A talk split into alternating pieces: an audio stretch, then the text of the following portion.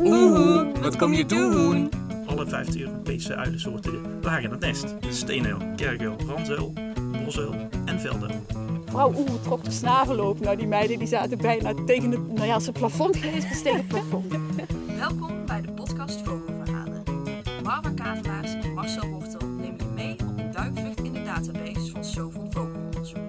Welkom, beste luisteraar, bij de podcast Vogelverhalen. Zoals altijd vanuit het archief van Sovon. Ja, daar eh, zitten we weer. En we gaan het dit keer over een hele bijzondere vogelsoort hebben. Oh, zeker weer die stadsduif van je. Nee, ik maakte één keer een grapje over die stadsduif. Daar kom ik nooit meer vanaf. nee, eh, we gaan het vandaag eh, over een andere vogel hebben. De grootste uil die we in Nederland kennen. En dan heb ik het natuurlijk over de vliegende wolf. De oehoe. Oeh. Oeh. Kijk, daar zijn jouw vogelgrapjes weer. Ja, nou, sorry, maar zonder gekheid. Vertel eens, de oehoe. Nou, de oehoe eh, die begon af en toe op te duiken in Nederland in de jaren 80. En eh, sinds 1997 broeden ze hier ook echt permanent. En uh, ja, sindsdien nemen de aantallen heel erg snel toe. En waar het begon met enkele broedparen, zitten er nu echt al meer dan 50 uh, paren in Nederland. Zo, dat is best, uh, best aardig wat. Ik zou wel eens willen weten wat er dan gebeurd is dat die oehoe het zo naar zijn zin heeft gekregen in Nederland. Ja, ja dat is een goede vraag. Uh, misschien kan jij weer eens op zoek naar iemand uh, die ons hier wat meer over kan vertellen. Nou, ik denk dat ik wel iemand weet. Uh, ik ga dat vragen aan Scipio van Lierop. Hij is lid van de Oehoe-werkgroep Nederland. En hij weet echt alles over de oehoe. Nou, dat klinkt als een goed idee. En dan ga ik buiten op zoek naar de oehoe. Heb jij eigenlijk wel eens een oehoe gezien? nee. nee, alleen op plaatjes, maar nooit in het echt. Nee? Oh, nee. Ik, ik wel. In, uh, in Maastricht een keer. Op de Sint-Pietersberg. En daar ga je nu ook weer naartoe? Ja, dat lijkt me een goed idee. Ik uh, denk dat ik daar op pad ga met Marion Savelsberg. Die daar in de Oehoe-vallei oehoes opspoort. Oeh, de Oehoe-vallei. Nou, dat klinkt, klinkt, toch wel een beetje gevaarlijk hoor. pas jij maar op. Ja, oké. Okay. Ja, ik weet dat ik klein ben, maar ik denk niet dat ze er met mij vandoor gaan hoor. Zo klein ben ik ook weer niet. Maar uh, ga jij maar snel uh, naar Scipio, want volgens mij zit hij al op jou te wachten. Ga ik doen. Tot zo. In Vogelvlucht. Bij ons is aangeschoven Scipio van Lierop van de Oehoe-werkgroep uh, Nederland. Goedemorgen. ja, goedemorgen Scipio. Welkom. Waarom de Oehoe? Waarom de oehoe? Ja. Zo mooi aan de oehoe. Nou ja, esthetisch als je kijkt naar zijn, hoe hij eruit ziet. Uh, dat was, is niet echt de reden waarom ik op de oehoe gevallen ben. Het is niet moeders mooiste, maar wat, wat vind jij zo mooi in deze vogel dan? Wat ik er zo mooi aan vind, is vooral het, als je een keer een oehoe ziet in zijn natuurlijke habitat, bijvoorbeeld in de, de kalksteengroeven in Zuid-Limburg, dan sta je daar op dan sta je in de schemering. Je uh, ziet de omgeving wat donkerder worden. En plots beginnen die oehoes te roepen. En op het moment dat je er eentje voorbij ziet vliegen. Ja, dat is wel een. Uh, dat zijn vooral de beelden en, uh, uh, waar je het voor doet. Ja. Waarvan je weet. Ja, dat, het, dat hij een hele grote vormende invloed heeft op zijn landschap en onze omgeving waar die, waar die verblijft. Ja, oké. Okay, nou laten we dan even beginnen bij het begin. Om even de luisteraar te helpen die de oehoe nog nooit heeft gezien. Of eigenlijk ja. niet zo goed weet ja. wat voor vogel het is. Je zegt al, hij is heel groot. Hoe ziet de oehoe eruit?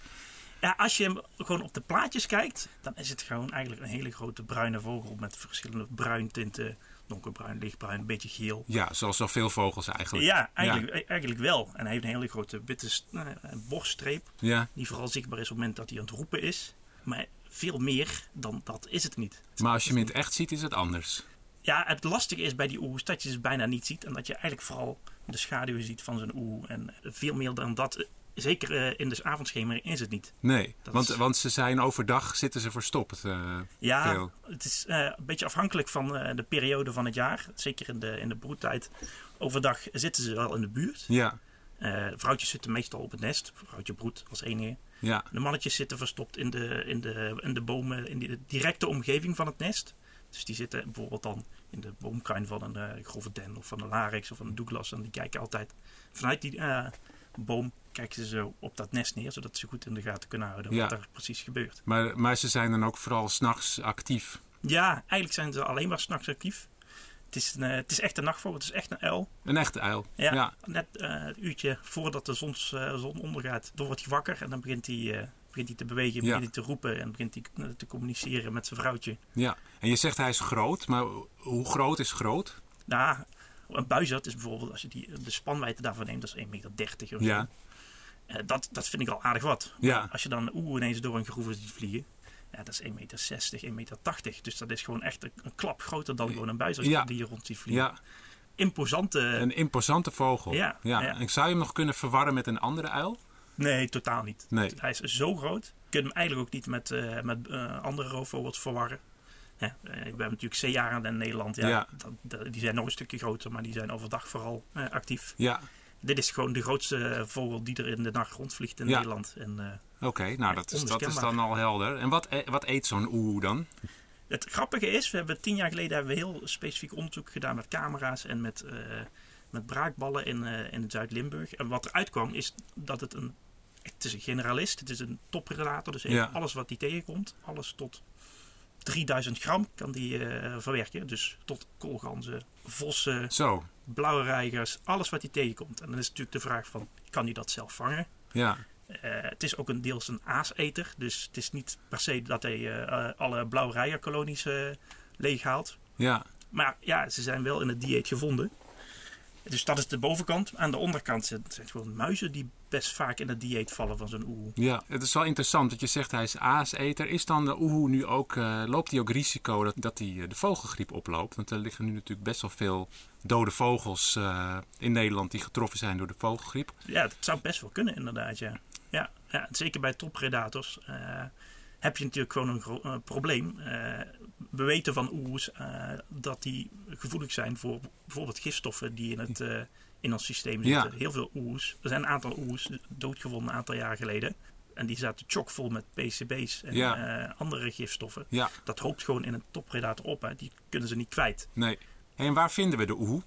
Het is altijd een soort geweest die in heel Nederland wel geleefd heeft. Ja. We weten dat die, uh, in Den Helder uh, dat daar botten van de oer zijn gevonden. Heel lang geleden. Het zijn duizend, honderden jaren geleden. Dus hij heeft in heel Nederland gezeten. Ja. Maar ja, hij is ooit het land uitgejaagd, om het zo maar te noemen. Ja, waarom was dat? Ja, dat weten we eigenlijk niet zo goed. Ik, we denken dat dat te maken heeft met het feit dat er ja, loodvergiftiging... Vroeger werd er veel met lood geschoten. Ja, ja. Dat lood hoopt op in zo'n oer en komt dan weer in die oer terecht. En ja. die overlijdt daardoor. Maar is er ook actief gejaagd op de oehoe vroeger? weet ik eigenlijk niet. Nee. Ik van, nou, zo'n grote vogel is toch een mooie, mooie buit. Ja, precies. En we hebben wolven ook natuurlijk uh, behoorlijk uh, beschoten in Nederland. Dus het zou zomaar kunnen. Ja. Maar goed, het is Maar helemaal zeker weten we het niet. Maar we weten dus wel zeker dat de oehoe vroeger toch best algemeen was in Nederland. Als je botten vindt in Den Helder, dan... Dan, uh, dan kan hij ja, flinke afstand afleggen Dan heeft hij toch heel wat verspreiding. En, maar inmiddels, hij is verdwenen. Ja. Ja. Um, Tot diep in de Zuideifel uh, waren er geen oers meer te vinden. Nee. Teutoburgerwald was er geen oer meer te vinden. Uh, en toen hebben de Duitsers bedacht van ja, dit, dit kan niet. Laten we hier een fokprogramma opzetten. Net zoals we nu met, bijvoorbeeld met de hamster gedaan hebben in Zuid-Limburg. Ja. En de, de korhoenders van het Sallandse Heuvelrug, die worden natuurlijk ook geholpen. Ja, en de Duitsers hebben dat met de oer gedaan. Ja. En die hebben oers gevangen op de op kunstnesten gezet, uh, eieren uitgebroed en die oezen zijn weer de vrije natuur ingelaten. Het, het, het schieten met lood is natuurlijk best wel uh, is voorbij. Ja. Dat gebeurt niet meer. Dus de omgeving is best uh, schoner geworden voor die oe. Dus ja. die heeft minder problemen. Ja. En waarschijnlijk het moment dat, die, dat ze die oers weer uit zijn gaan zetten, eh, waren de condities een stuk beter voor die soort, waardoor die dus nu weer bezig is met een opmars richting Nederland vanuit Duitsland. Dus de oehoes die we in Nederland vinden, die zijn eigenlijk allemaal vanuit Duitsland eh, naar ons land gekomen? Ja, dat is een beetje de vraag, want we hebben eh, als oerwerkgroep een aantal zenderonderzoeken uitgevoerd ja. aan jonge vogels. Gekeken waar komen die nou terecht? En het, is, het is heel, zijn hele bijzondere vogels, want ze navigeren altijd op grote landschapselementen. Ja. Vuilnisbelten, elektriciteitscentrales. Uh, je kunt het zo gek niet bedenken waar ze overnachten. Ja. Maar ze vliegen flinke afstanden van iets van 50 kilometer per nacht. Zo, op, het moment dat, uh, op het moment dat ze uh, als jonge vogels een nieuwe plek gaan zoeken. Ja. En ja, we hebben vogels kunnen volgen die tot in Trier, dat is, dat is de, de zuidkant van de Eifel, ja terechtkwamen. En daarna weer helemaal omkeerden om weer naar het noorden terug te vliegen. Ja. Volgens die richting uh, Parijs zijn gevlogen en uh, Noord-Frankrijk hebben aangedaan en weer een stukje terug zijn gevlogen. Dus daar zit een gigantische dynamiek qua verspreiding en qua eh, vliegbewegingen van die jonge vogels Ja. in het najaar. Ze kunnen eigenlijk best wel veel plekken kunnen ze vandaan komen, de Ja. oehoes die hier zitten. Ja, Ja, ja, Je, je zei al Zuid-Limburg, ja. daar is, daar is het begonnen hè? Daar is het eh, in eerste instantie weer begonnen, de herintroductie zullen we zeggen. Ja, Of de reïntegratie, hoe je het ook wil noemen. ja, Dat was in de jaren, eh, begin jaren 80 zijn daar de eerste, eh, is er een eh, eh, eerste oehoe aangenomen. ja, Eh, midden jaren 90 zijn er eerste territoria weer gevestigd, Zuid-Limburg. Eh, Ja. De kalksteengroeven die Dus we dus- er nog hebben. dus dan zijn ze daar gaan broeden. Ja. Ja, Ja. En eh, die kalksteengroeven, ja, dat lijkt natuurlijk op rots, rotswanden waar ze oorspronkelijk ook in de Eifel ja, veel hebben gezeten. Dus Ja. dat hebben ze waarschijnlijk herkend als een geschikte plek om nesten te gaan bouwen. ja. Maar in de rest van Nederland eh, heb je toch een stuk minder rotsen. Ja. Ja, ja, we hebben niet zoveel inderdaad. Nee, dat klopt. nee. Dus, dus hoe werkt dat? Ze zitten niet alleen maar in Zuid-Limburg meer. Nee, het is inmiddels een redelijke golf aan het worden qua eh, waar ze inmiddels vandaan komen. Tot in eh Rukve, het West-Brabant aan toe wordt inmiddels gezien. Ja. Eh, Overijssel, eh, Drenthe, alle grensprovincies worden inmiddels een beetje wel overspoeld door oers. Ja, overspoeld. Hoeveel oehoes zijn er nu in Nederland? Afgelopen jaar hadden we 51 territoria. Dus dat zijn 102 oude vogels. Ja, ja, En dan weten we ook nog dat er eh, heel veel jonge vogels rondhangen die op zoek zijn naar een plek. Want we weten op het moment dat er een oeh wegvalt in een groeve, dat die heel snel opgevuld wordt door weer een nieuwe vogel. ja, ja. Ja, die, die, moet er, die moet ergens zitten, die moet ergens vandaan komen natuurlijk. Ja, want die aantallen zijn de afgelopen jaren behoorlijk eh, snel gestegen. Ja, Dus, de, dus we kunnen wel verwachten dat het dit broedseizoen toch wel weer wat meer zullen zijn dan die 51. sterker nog, we hebben er alweer twee of drie territoria bij eh, ten opzichte van afgelopen jaar. Dus Ja. het gaat gewoon razendsnel. Het gaat gewoon heel hard. Ja, ja. ja. En eh, waar eindigt dat? Dat is een hele goede vraag. Ja, Nou, misschien ook wel weer in Den Helder, je weet het niet. ja. Ja. Het zou ze gewoon weer het hele land kunnen koloniseren. Ja, ze hebben natuurlijk wel. eh, ze zoeken natuurlijk naar een geschikte broedplek. En de, eh, zoals je net zelf al zei, zelf, kalksteengroeven, zandsteengroeven, die zijn er niet, niet zoveel. Nee, Maar wat we ook merken is dat ze hele gro- grote andere landschapsvormen, zo'n eh, een vuilnisbelt, ja, ja, dat is zo aantrekkelijk. Daar komen ze terecht. En vanuit daar zoeken ze grote roofvogelnesten op. ja, Of gaan, eh, worden het grondbroeders. Dat hebben we ook al eh, een aantal keren eh, gezien. ja, De landschapsvorm trekt de oe aan. En vervolgens zoeken ze op basis daarvan in de buurt een geschikte plek. ja, Dus hele stuwal te, rondom Nijmegen, Arnhem, Utrecht, de randmeren.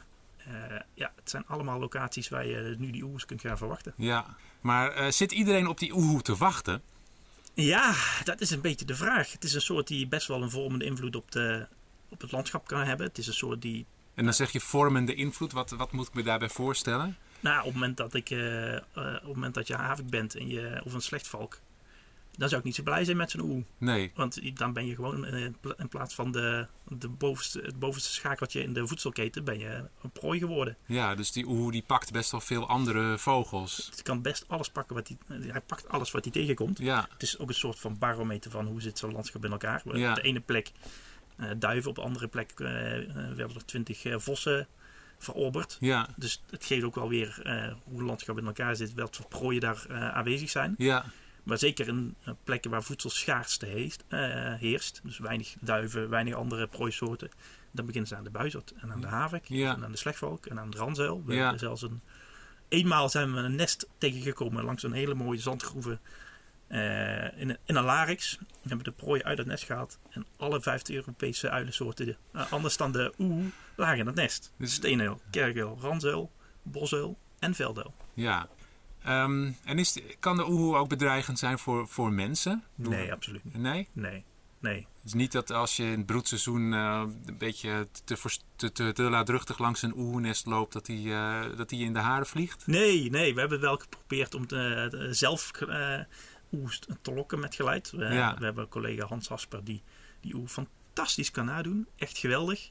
Eh, Het lukt hem dan om ook een reactie te krijgen van die oe. Ja. Die gaat jou niet aanvallen. Nee, Ja, die ziet ook wel dat jij eh, 1,80 meter bent en dat je daar niet zoveel mee kan. nee, precies. Dus dat gaat hem niet worden. Wat we natuurlijk wel hebben is dat er ja, nogal wat mensen in Nederland een oe als huisdier nemen.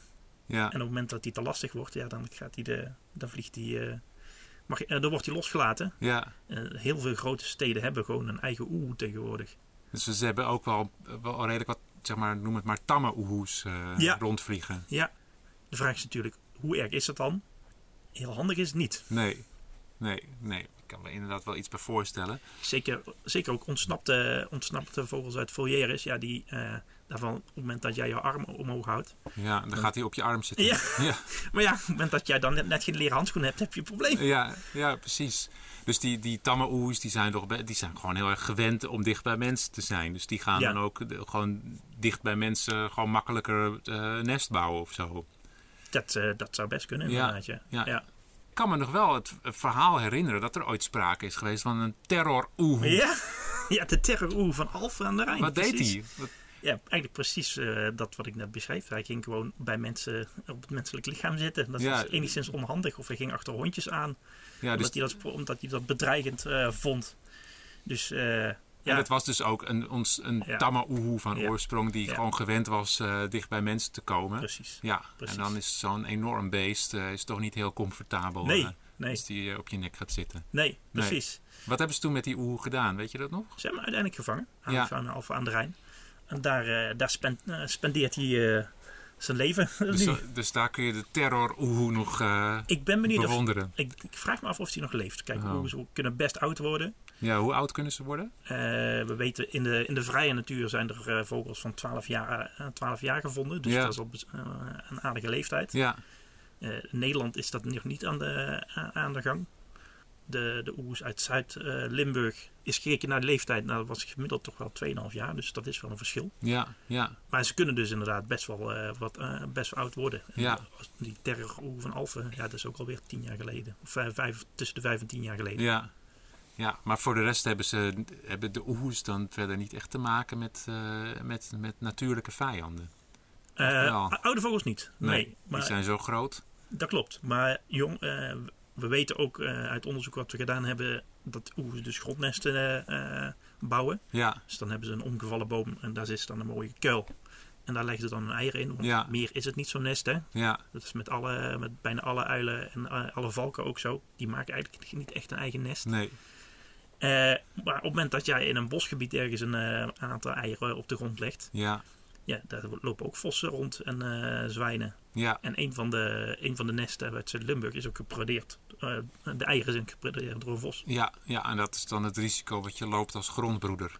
Ja, en dat is Ja. natuurlijk wel een risico wat vaker in Nederland zal voorkomen naarmate die je naar het westen opschuift. Ja, omdat in het, ze zitten dan in het oosten wat meer dan in bomen. En wat je noemde, hè, die grote landschapselementen, vuilnisbelten, steengroeves. Maar Ja. in het westen zijn ze dan, verwacht je dat ze meer eh, het moeten hebben van, van grond als nestplek. Ja, misschien inderdaad wel, ja. Ja, Al zullen ze ook wel eh, hun oog hebben op roofvogelnesten natuurlijk. En ook aalscholvernesten. Daar hebben Ja. we ook wel foto's van. Hoe zijn aalscholvernesten.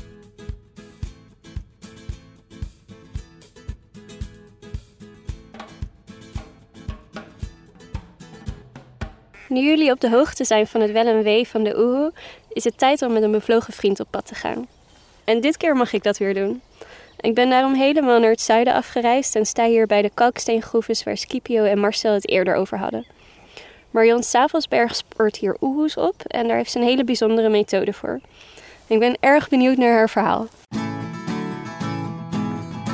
Bevlogen vriend. Het is eh, inmiddels aan het schemeren op de Sint-Pietersberg en we zijn al een heel stuk de groeves afgedaald. Marion, kun jij de luisteraar even meenemen naar waar we precies zijn? Want niet iedereen mag hier zomaar komen, toch? Nee, dat klopt. We zijn in de voormalige Enzi-groeven, voormalige mergelgroeven. Eh, De mergelwinning is hier gestopt een aantal jaar geleden. De fabriek is ook gestopt met het produceren van cement. En dit gebied is nou eh, van natuurmonumenten. En ja, dit wordt een heel mooi natuurgebied, denk ik. En je mag hier eigenlijk eh, op een vaste route mag je lopen. Ja, maar echt de diepe groeven in, dat mag niet. dat mag niet. Nee. Omdat we de rust voor de dieren hier eh, willen garanderen. Ja, dat lijkt me een heel goed idee. En wat gaan wij hier vanavond doen? Nou, ik mag hier gelukkig wel komen. Ik heb een, eh, een vergunning om hier te komen. Wij gaan hier eh, hopelijk oehoes horen. Horen. Horen, ja. En misschien ook zien, maar ja, het is natuurlijk een, een vogel die actief is als het donker wordt. En dan zie je hem niet meer zo goed. Ga- we gaan het dus op geluid doen. We gaan op geluid doen en dat is wat ik hier al jaren doe eigenlijk. Ehm, ik kom hier al jaren rond deze tijd en ook later op de avond. eh, met geluidsapparatuur om opnames te maken van de oehoes. Eh, ik doe dat om verschillende redenen. Een van de dingen waarom ik dat doe is om te monitoren. Hè, zodat ik tegen natuurmonumenten kan zeggen, nou daar zit de oehoe dit jaar, daar gaat hij broeden. Hé, hey, we hebben een tweede paar, dat zit daar. Dan houden ze daar rekening mee met beheer en dergelijke. Uh, maar daarnaast doe ik ook onderzoek naar geluiden van oehoes. Uh, naar het hele repertoire. Daar is al heel veel over geschreven. Maar er is kennelijk, blijkt in de afgelopen jaren nog heel veel over te ontdekken. Ja. Um, en ik herken de oehoes aan hun eigen geluid. En hoe, hoe, hoe, hoe dan? Nou, het is net als jij en ik. Wij klinken allebei anders. Ja. En bij oehoes is dat dus ook zo. Um, is ook logisch, want als jij vrouw oehoe bent en je zit met een uh, buurman die hetzelfde klinkt als jouw man. Ja, dat is niet handig. Dat is niet handig. dat uh, veroorzaakt uh, natuurlijk misstanden. Ja, dus ze klinken allemaal een beetje anders. En dat heb ik niet ontdekt hoor. Dat is een aantal jaar geleden door een aantal andere mensen al onderzocht. Alleen echt zo uitgebreid ermee gewerkt is er nog niet. En het leuke is als je de oehoe aan zijn stem herkent, om het zo maar te roep, noemen, of aan zijn roep. Ja dan weet je dus ook precies wie waar zit. Maar dus dan kan je precies horen van hier links zit de, zit de ene oehoe Ja. en rechts zit de andere. En rechts zit de andere oehoe. En dan kan je echt gewoon op geluid kan je, kan je dat horen. Ja, ik kan het horen. Ehm, maar dat komt, ik ben, ehm, ik ben geen bioloog of ornitholoog of wat dan ook. Ik ben heel, eh, eh, eh, heel wat anders. Ik ben opgeleid als klassiek muzikus. Ik ben eh, blokfluitist. Dat, dat verklaart veel. Ja, dus ik heb een heel erg muzikaal gehoor. Zo komt eigenlijk wel je, je, je interesse in muziek met vogels bij elkaar. Ja. Ik kan geen muziek meer maken zelf, dat gaat niet meer. Maar ik lees nu partituren van de natuur eigenlijk. Ja, dat is prachtig. En ik hoor die kleine nuances. Dus ik hoor het. Ehm, als je een muzikaal gehoor hebt, kun je het horen. Ehm, maar dan kan ik iedereen wijsmaken dat het zo is. Maar je kunt het dus ook zien op je computer aan de basis van het sonogram. Kan je dat uitleggen voor de Ja, wat dat is? ehm, dat is eigenlijk een weergave van geluid, een grafische weergave, waarbij je, ehm, je krijgt een x- en een y-as. Ehm, en op de horizontale as zie je hoe lang een roep duurt.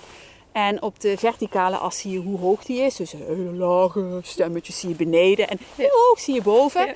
En dan kun je dus precies meten hoe lang een roep duurt. En een oehoe-roep, die, ja, een oehoe-mannetje bijvoorbeeld. Ik moet het niet te hard doen hier, want dan ga ik de boel een beetje verstoren. hè. Dan wordt hij dadelijk boos op Komt er dadelijk eentje op je afgevlogen? Zou zo maar kunnen. Hè, maar een oehoe is een beetje oeh. Dus dan kun je meten hoe lang dat eerste stukje, dat hogere stukje is. En hoe eh, dat tweede stukje, hoe lang dat is. En hoe de sprong van boven naar het lage, Ja. van het hoge naar het lage is. Hoe lang de roep in zijn totaliteit is. En dat is dus anders bij iedere oehoe? Dat is bij iedere oehoe anders. Ah, interessant. Bij de vrouwtjes is het wat lastiger. Vrouwtjes die kunnen in een roep een beetje zeuren en dan is het wat lastiger. Dat klinkt een beetje... oeh.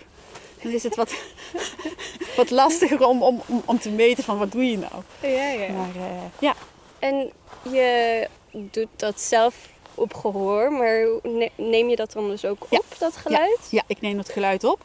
Ik rij hier rond met een, eh, ja, ik rij hier op een scootmobiel, hè, want ik ben niet zo heel mobiel meer. Maar, ehm, dus ik rij hier rond met een microfoon op dat scootmobiel en een geluidsrecorder.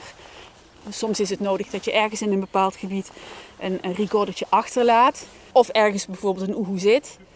En dan ehm, heb ik speciale software die voor mij, die heb ik geleerd van dit is de roep van een oehoe. En dan leert gaat die software voor mij zoeken Wa- wanneer waar dat die, ja, gebeurt. dat was een heel gedoe, want die software snapt niet wat een oehoe is. En in het begin dacht hij dat een grasmaaier en een schreeuwend kind en een kraai, dat het allemaal oehoes waren. Maar dat heb ik hem echt moeten leren, omdat... eh, Dan zeg jij van oké, dit inderdaad, dit geluid is een oehoe. Eh, en dan leert de computer dat en die herkent dat dan Ja. op latere momenten opnieuw. Ja. Ja, handig eigenlijk. eh. Het, scheelt- het is heel handig. Het heeft me heel veel tijd gekost om het allemaal eh, goed aan het werk te krijgen. Eh, maar nu, hè, want ik had van de week, eh, of een paar weken geleden eigenlijk, vroeg Natuurmonument van nou in dat gebied verwachten wij dat misschien een oehoe zou kunnen zitten. Ehm, zou je ons kunnen helpen? Mhm. Nou, daar hebben we dan een recordertje in een boom gehangen. En dat heeft gewoon drie weken lang, van zons, een uur voor zonsondergang tot een uur na zonsopkomst, opgenomen. En dat, ik kwam gisteren thuis met dat SD-kaartje. Ik denk, oh, dan wil ik het weten. Dus dat heb ik in de computer gestopt. En dan gaat hij reutelen en ratelen. En dan na 20 minuten zei hij, eh, ja, Dat is een oehoe. tada! Kijk eens naar dat geluid aan. Dat was dus inderdaad een oehoe. Ja. Fantastisch. Dan hoef je dus niet drie weken in het veld te zitten in het donker. eh. Nee, oh wauw. Wa- Wat, wat is iets wat de- de luisteraar absoluut nooit zou verwachten dat een oehoe doet? Nou, nou, een hele leuke is een geluid dat ze maken. Mensen die, die, die kennen, die de oehoegeluiden kennen, weten het wel. In Nederland noemen we het vaak de eenderoep. Eh, maar wat oehoes doen, ehm, in heel veel situaties, maar onder andere ook als je te dicht bij een nest komt, dan laten ze een bepaalde roep horen en dat is wak, wak, wak, wak, wak. Wat? Dat klinkt inderdaad meer als een eend. Ja, dat noemen ze, eh, de officiële te- term is devil's cackles. Dus het, het, het- ik durf het nu niet echt hard te doen, omdat we hier in oergebied zitten. Laatst waren het ook twee studenten die daar dan nog stiekem laat in het donker liepen. En vrouw Oeh trok de snavel open. Nou, die meiden die zaten bijna tegen het, nou ja, als het plafond geweest was, tegen het plafond. Wat, wat zou natuurmonumenten kunnen doen met, eh, met de dingen die je hier vindt? Nou ja, weet je, als we, als we weten waar ze zitten, dan weten we ook waar we de nesten moeten beschermen. Hè. Dat is natuurlijk punt één. Het geeft natuurlijk ook wel iets aan over hoe het met het gebied gesteld is. Als je weet hoeveel oehoes er zitten. Het is natuurlijk wel een toppredator die eh, bovenaan staat. Ja. Ehm, ja, en eigenlijk word ik voor alles wat oehoe gerelateerd is. eh, we willen daar gaan snoeien. Kan dat nu nog? Word ik gebeld? Ehm, Oh ja, dus, dus eh, ze zijn echt heel, eh, heel erg mee bezig dat Ja. er geen verstoring plaatsvindt. Nee. En, en al die avonden die je hier doorbrengt, ja. daar zullen ongetwijfeld hele mooie momenten tussen hebben Oh, gezeten, hele bijzondere. ja, Is er eentje die er echt voor jou uitspringt? Wat geweldig was, was het ontdekken van de jonkies van de tweede paar. Hè, dat tweede paar dat, dat, dat er zat, dat vermoeden, dat had ik al lang. Daar had ik ook al wel geluidsbewijs van. Mhm. Maar daadwerkelijk zien waar ze zitten, ja, dat was zo fantastisch. Ja, dat het bevestigd wordt. Ja, en toen heb ik hier, dat was hier op deze plek waar we nu staan, eh, keek ik door de telescoop en ik, nou, ik heb staan springen. Ik was zo blij, dat was zo geweldig. Ehm, dus dat was heel mooi. Ik heb zoveel mooie momenten. En Leuke dingen ook dat ze mijn microfoon eh, als prooi hebben gezien en mee hebben gesleept. ja, dat was voor mij op dat moment wat minder, maar gelukkig heb ik de boel teruggevonden. Ehm, Dat is ook ja, super, ja, dat is lachen. Oh, oh mijn eerste, de, de eerste paring was ook zo leuk. Ehm, ja, bij natuurmonumenten noemen ze me een beetje een voyeur. En, eh, ik snap het wel. En eh, ik wilde zo graag die paringssequentie eigenlijk opnemen. Omdat ik een bepaalde theorie had over het geluid dat het mannetje maakt. Wekenlang gekeken van waar is die boom, waar zitten ze, waar, waar, waar speelt het zich af. Ja. Weer was perfect. Eh, stil. Ik zat er. Vrouw Oeh zat in de boom. Man Oeh kwam ook. Dus een heleboel opwinding. En gaan we vanavond de oehoes horen, denk je? Ja, ik hoop het. Ze zijn niet meer heel actief met roepen. Ehm, het broedseizoen eh, ja, staat op het punt om te beginnen. Ehm, en dan merk je ook als ze eenmaal echt eh, al een aantal dagen op een nest zit, dan wordt er veel minder geroepen. Dus, ehm, maar ja, we zullen gewoon nog even moeten blijven wachten als je dat niet erg vindt. Nee, zeker niet. Eh, ik heb alle tijd. Gelukkig.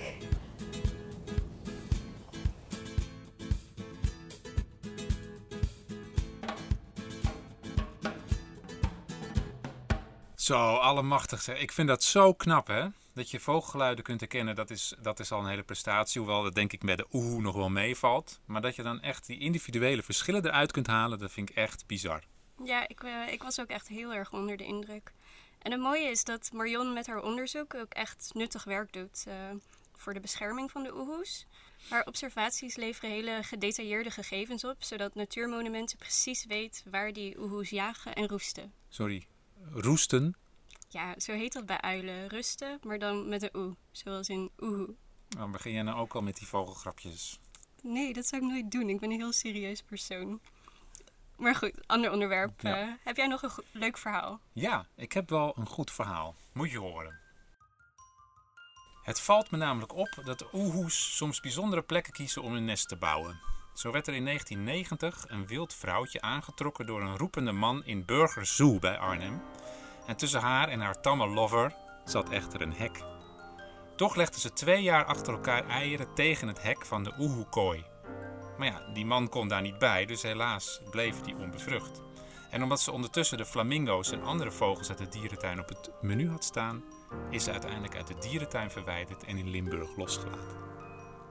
En dan hebben we nog het verhaal van een andere dierentuin. In 2013 durfde een oehoepaar het aan om een nest te bouwen in de Beekse Bergen. Opnieuw ging het om een gemengd koppel van een tam mannetje en een wild vrouwtje. Nu kwam het wel tot jongen, alleen wat hadden ze gedaan? Ze hadden hun nest op de grond onder een dennenboom gemaakt. En dat is wel een hele makkelijke prooi voor de loslopende hyena's in het park, die in 2013, dus hetzelfde jaar, het mannetje verslonden.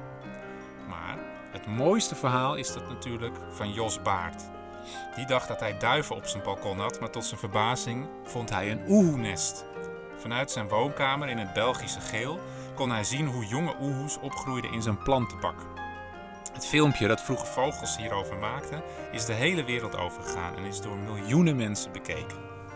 Ik zou toch best wel schrikken als er opeens een oehoe op mijn balkon zat. Ja, zeker. Zeker als je verwacht dat het gewoon duiven zijn.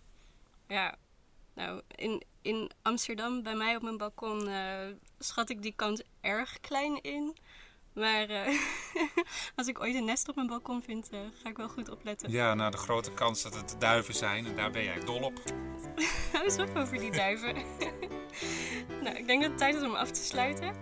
Ik wil Scipio en Marion hartelijk bedanken om ons en jou, de luisteraar, meer te vertellen over deze bijzondere vogel. Ja, en ik wil Perle Fleskens natuurlijk nog even bedanken die het format voor deze podcast heeft bedacht.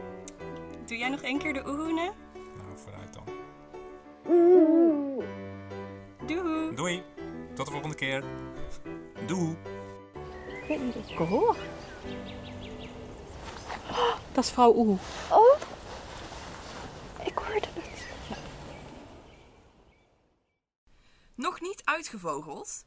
Voor meer informatie over de onderzoeken van Sovon Vogelonderzoek Nederland bezoek je de website www.sovon.nl. Daar vind je ook hoe je vrijwilliger kan worden.